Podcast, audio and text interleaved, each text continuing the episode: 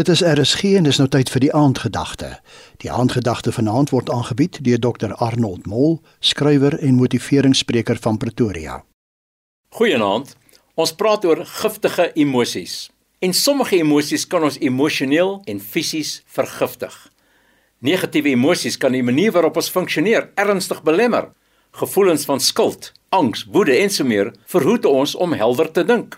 En wanneer ons toelaat dat hierdie emosies ons denke oorheers, begin ons irrasioneel optree. Dit lei tot meer gevoelens van skuld, angs, woede en so meer. En die siklus herhaal sigself. Negatiewe emosies kan ons verhouding met ander vernietig. Gevoelens van weerstand, jaloesie, onvergenoegdheid ensovoorts verhoed gesonde interaksie met ander mense. Want al ons emosionele energie word op onsself toegespits en ons het geen emosionele energie oor om aan ander mense te bestee nie. Dit is byvoorbeeld moeilik om liefde te betoon as ons kwaad is. Dit is moeilik om saam met iemand opgewonde te wees as ons te neergedruk voel. En gevolglik begin hulle ons te vermy, want dit is onaangenaam om saam te verkeer met mense wat altyd kla of altyd pessimisties is. Negatiewe emosies affekteer ons liggaam. Een van die grootste bydraende faktore tot hartsiekte is negatiewe reaksies op lewenssituasies. Nou, waar kom hierdie emosies vandaan? Wel baie mense glo dat gebeurtenisse wek emosies op. Tragiese flieks laat ons bedruk voel. Persoonlike kritiek maak ons kwaad.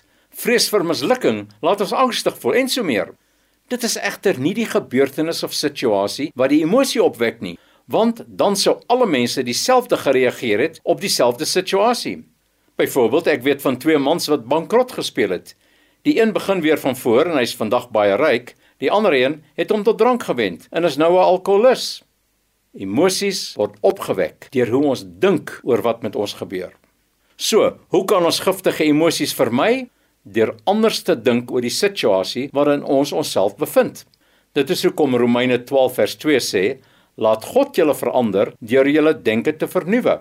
En ek noem dit teenvoeters. Byvoorbeeld, as iemand ons parkeerplek vat, kan ons dink: "Hoe durf hy my plek vat? Ek was eers hier." Of ons kan dink: Hy is seker laat vir 'n belangrike vergadering. Ek sal 'n ander parkeerplek vind. Die eerste gedagte gaan ons hele gemoed bederf. Die teenvoeter voorkom onnodige ontsteltenis. Om die negatiewe gedagte uit te skakel, moet ons egter die teenvoeter glo en ons het dus 'n gesaghebende bron van teenvoeters nodig. En die sterkste teenvoeters kom uit God se woord. Byvoorbeeld, wanneer iemand ons finansiële skade berokken, kan ons met weerstand wraak beplan, wat ons maar net van binne gaan opvreet Of ons kan ons aan die Here se belofte herinner dat hy namens ons wraak sal neem. Ons kan dit maar rustig in sy hande oorlaat. Die probleem is dat ons nie werklik glo wat die Here sê nie. En vir die volgende 5 oordeenkings wil ek praat oor verskillende giftige emosies en wat die teenvoeter is uit God se woord. Jy het geluister na die aandgedagte hier op RSG, aangebied deur Dr Arnold Mol, skrywer en motiveringsspreker van Pretoria.